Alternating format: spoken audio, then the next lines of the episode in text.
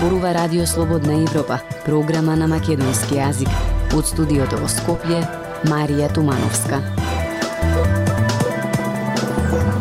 Добре дојдовте во емисијата. Во неа ќе слушате. Македонија увезува дури една третина од струјата. Таа е најзависна земја од увоз на електрична енергија во регионот. Во училиштата не достигаат наставници по природните науки, Се повеќе просветители заминуваат поради малите плати и партизацијата во образованието. Од светот Неизвестно е дали Унгарија ќе ги добие парите, откако Европската комисија предложи суспензија од 7,5 милиарди евра од европскиот буџет наменет за оваа земја. Независни вести и анализи за иднината на Македонија на Радио Слободна Европа и слободнаевропа.мк. Започнуваме со емисијата. Македонија увезува дури една третина од струјата и е најзависна земја од увоз во регионот. На 90% од струјата во Косово е од јаглен, а целата струја во Албанија е од обновливи извори. Црнагора произведува најмногу струја од ветер, а Босна и Херцеговина е единствената која има и за извоз. Анализата за тоа колку се увезува, колку се извезува и колку се произведува на Балканот ја направи колегата Срјан Стојанчов. Ситуацијата со производство на струја во Македонија е црна и буквално и фигуративно. Од една страна не се произведува доволно, па земјава купува од странство по многу високи цени, а од друга страна најголем дел од струјата што се произведува е од јаглен која загадува животната средина. Македонија увезува дури една третина од струјата што ја троши. Со производство на струја не може да се пофали ниту Косово. И кај нив не се произведува доволно, а и таа што ја произведуваат е од јаглен во термоцентрали кои се големи загадувачи. Србија, Албанија и Црнагора се скоро на нула, произведуваат колку што трошат. Босна и Херцеговина е единствената земја во регионот која има и за извоз. Целата струја што ја произведува Албанија е од обновливи извори на енергија, во најголем дел од хидроцентрали. Над 90% од струјата во Косово пак се произведува од јаглен. Црнагора е апсолутен лидер во регионот во производство на струја од ветер. Скоро 9% од нивната струја се произведува во ветерни централи. Албанија троши најмалку струја по жител, а Црнагора најмногу. Производството на струја во сончеви централи во целиот регион е занемарливо. Регионот во голема мера е зависен од јаглен за производство на електрична енергија. Сите земји извезуваат кога имаат вишоци, а увезуваат кога им треба, но Македонија е најголем нето увозник. Најголем производител во Македонија е Рек Битола, која лани произвела скоро 40% од струјата од јаглен. Потоа следуваат приватниот производител Тето на газ и хидроцентралите со понад 25% од производството. Во Македонија има значителен пат на домашното производство во изминатата деценија. Над 93% од струјата произведена во Косово се добива од јаглен во термоцентралите Обилича и Б во близина на главниот град Приштина. Косово лани увезло скоро 10% од потребната струја. Албанија е единствената земја во регионот која произведува целосно зелена струја. Целото производство доаѓа од обновливи извори, најголем дел од големите хидроцентрали. Проблемот е што производството многу варира од година во година во зависност од хидролошката состојба. Во посушните години Албанија не успева да ги задоволи своите потреби, но во добрите хидролошки години има и за извоз. Податоците од изминатата деценија покажуваат дека Србија произведува многу блиску до собствените потреби, некоја година малку повеќе, некогаш малку помалку. Над 60% од струјата се произведува во термоцентралите на јагле, на околу една третина од хидроцентралите. Црнагора минатата година произвела струја за да ги задоволи своите потреби, па дури и малку за извоз. Над 60% од струјата има од обновливи извори, најмногу од големите хидроцентрали. Ветерниците учествуваат со дури 8,5% во производството, со што Црнагора е лидер во регионот во производството на струја од ветер. Босна и Херцеговина е единствената земја во регионот која произведува многу повеќе струја од колку што и треба. Според податоците на тамошната регулаторна комисија за енергетика, земјата лани произвела над 17.000 гигават часа струја, а потрошувачката била над 12.000 гигават часа. Над 57% од струјата е произведена од Јаглена, над 30% од хидроцентрали. Слободна Европа. Следете на на Facebook, Twitter и YouTube. Студенти од завршна година на факултети се повеќе се бараат за да се пополни недостигот од наставен кадар по математика или пак еден наставник најчесто мора да предава и по неколку предмети. Образованието импровизира додека факултетите остануваат без студенти кои се заинтересирани за наставничката работа. На оваа тема работеше Ивана Стојкова. Прилог на Ивана Стојкова. Учениците од 6 и 7 оделение во основното училиште Аврам Писевски во Скопје од почетокот на учебната година немаат настава по математика бидејќи училиштето со месеци не може да најде наставник по овој предмет. На огласите за вработување не се јавува никоја другата вработена наставничка по математика. Освен овој предмет веќе предава и физика и фондот на часови е целосно пополнет. Двете деца на попејачката Андријана Јановска удат во овој училиште и таа за се раскажува како се снаоѓаат. Во моментов значи немаат настава по математика, до тоа време кое што е пред предвидено за часот по математика се пополнува со други некои наставни содржини и предмети, меѓутоа конкретна математика немаат. Јас се надевам дека во скоро време ќе ќе се најде некое решение, веќе во последно време се предложува и да да може да предава и некој студент од техничките факултети. Се надевам дека ќе се најде некое решение. Јаневска додава дека родителите заедно со менеджментот на училиштето се обидуваат да најдат решение. На природно-математичкиот факултет пак со години на назад бројот на студенти кои се запишуваат на наставните програми за математика, физика и хемија е мал, а трендот останува непроменет. Особено драстично опаѓа бројот на студенти кои се запишуваат на студиските програми од каде потоа се регрутира наставниот кадар по математика и физика во основните училишта. Од 2020 година навака на овие студии се запишува само по еден студент. Бројката на студенти со сигурност укажува дека професијата наставник не е атрактивна за младите, смета деканот професор Александар Скепановски. Сега тука има многу причини зашто тоа би било така или да речеме не знам предпоставки околу тоа зашто е тоа така. Можеме за тоа да збориме, ама сепак не можеме со сигурност да ги потврдиме. Една од нив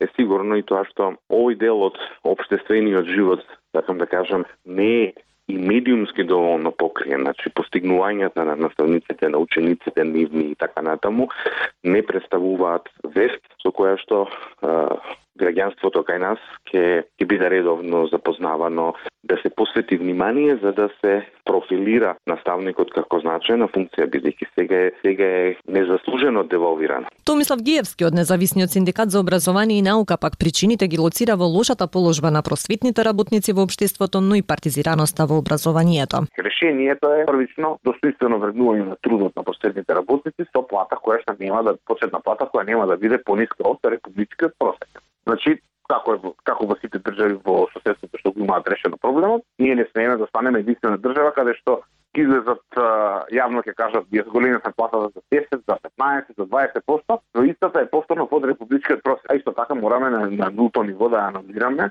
односно да да се искорени партизацијата, односно влијанието на политичките партии во секторот образование кои се рак рана веќе 30 години и ќе доведуваат реалната слика која што имаме денеска е токму резултат на овие два проблеми. Од ресорното министерство велат дека веќе се нудат највисоки стипендии за студентите кои студираат природни науки, па се надеваат дека постепено ќе се обезбеди оптимален број на наставници по овие предмети кои ќе ги задоволи потребите на училиштата.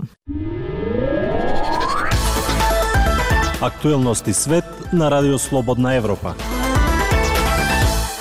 Од светот, деновиве Европската комисија предложи суспензија од 7,5 милиарди евра од буџетот на Унијата наменет за Унгарија, како одговор на она што Унијата го гледа како однесување од Будимпешта во однос на човековите права и владењето на правото. Пренесува Гоце Атанасов. И покрај предлогот на Европската комисија ништо не е одлучено и Будимпешта може ке ги види парите. Комисијата ја остави широко отворена вратата за компромис.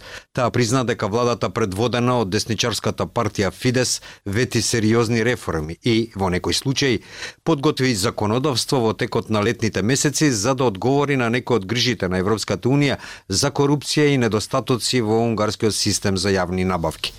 Доколку се постигне поголем напредок во тие области до крајот на годинава, парите сепак би можеле да пристигнат. Регулативата за условеност, механизам кој се применува од минатата година и дозволува на комисијата да предложи кратење на буџетите на членките на Унијата доколку смета дека постои системски ризик за тоа како се трошат парите. Не сите членки на Унијата беа задоволни од овој нов механизам.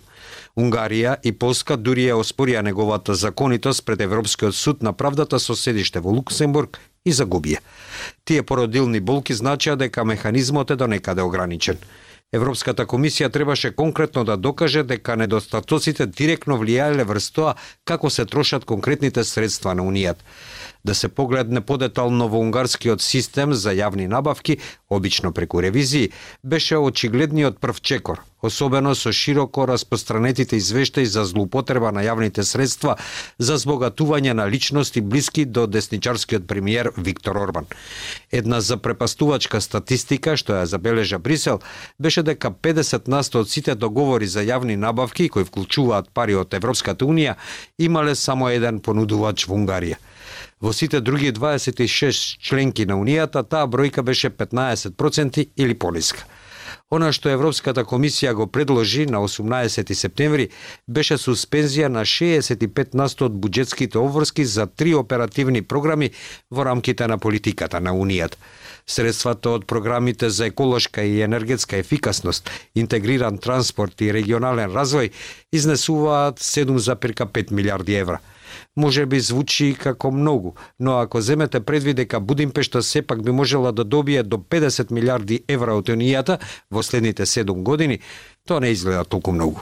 Европскиот парламент деновиве со големо мнозинство усвои резолуција во која земјата ја нарекува хибриден режим на избор на автократија, критикувајќи ја независноста на незиниот судство и слободата на незините медиуми. Култура и уметност на Радио Слободна Европа. Од културата. Керамикум во Мермер е насловен мултимедијалниот проект на македонскиот уметник Кимил Солески, чија премиерна презентација ќе се случи оваа сабота на 24 септември од 11 до 13 часот во неолитскиот локалитет Залив на Коските во Охрид. Неговата цел е да се истражи едно значајно поглавие на културниот живот на нашите простори. Прилог на Љупчо Јолевски. Проектот Керамику во Мермер се појави како идеја во скица последните или подобро речено како спој на мојата вокација и професија скулптор, конзерватор, реставратор и професор по ликовна уметност и културно-историско наследство. Мултимедијалниот израз се наметна во едно време кога во фокусот ја стави куќата желбен, скулптурално, архитектонски, трансцендентен објект на субјективното доживување за едно време, а може би и не време, керамикум, неолит, младо капено време. Да Проучувајќи материјални извори од македонскиот неолит, во својата фантазија се врати во минатото, обработувајќи тема изгубена од хоризонтот, но никако изгубена од видокругот на археолози. Потребата за еден ваков мултимедијален проект ја пронајдов во духовната култура на овој период, од кој се регистрирани 200 неолитски локалитети и желбата за афирмација на недоволно експонираните и за жал тешко достапни од различни причини неолитски локалитети. Тие локалитети со својата трошност оставени на забот на времето треба да станат видливи за нас институциите, да добијат тежина и значење што го заслужува култура која и јадници години обстоела на овие простори. Тоа да ги поддржам напорите на археолозите да отворат едно богато, атрактивно, но недоволно истражено поглаве на културниот живот на нашите простори. Со мултимедијалниот израз, локалитетите од македонскиот неолит ќе ги ставам во видокругот на сегашните идни туристички работници, со што ќе се збогати туристичката мапа и интерес како кај нас, така и во светски рамки. Пораката се содржи во куќата Желбе, која архитектонски, како појава од времето на неолитот, го манифестира идентитетот на домаќинството. Во неа и околу неа се одвиваат множко социјални и символични процеси, кои ја определуваат како комплексна целина, центар во кој се дефинираат бројни вредности, тенденции и принципи.